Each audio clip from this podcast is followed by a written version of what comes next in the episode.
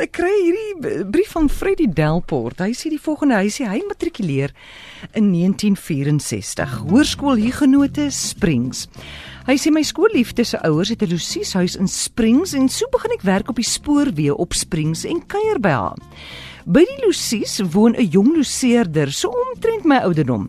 Sy naam is Paul Anderson en hy's 'n eenheidsassistent leerling treindrywer. Man, maar so gaan die tyd om en ek gaan weer mag toe in 1965 Paul trek en ek verloor heeltemal kontak met hom. Nou rol ek die storie aan so hier na die vroeë 80s.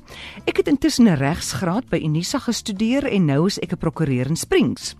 Ek stap eendag Springs se hof in en hier teen die muur staan 'n jong polisiekonstabel en kyk my in die oë. Ek sê vra vir hom: "Jou van is Anderson."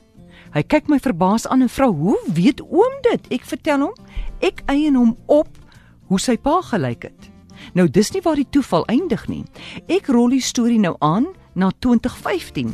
My kleinseun en naamgenoot gaan in Huguenot skool en is nou in graad 10. Hulle bly ook in Springs en sy pa, my seun, is 'n vleienier.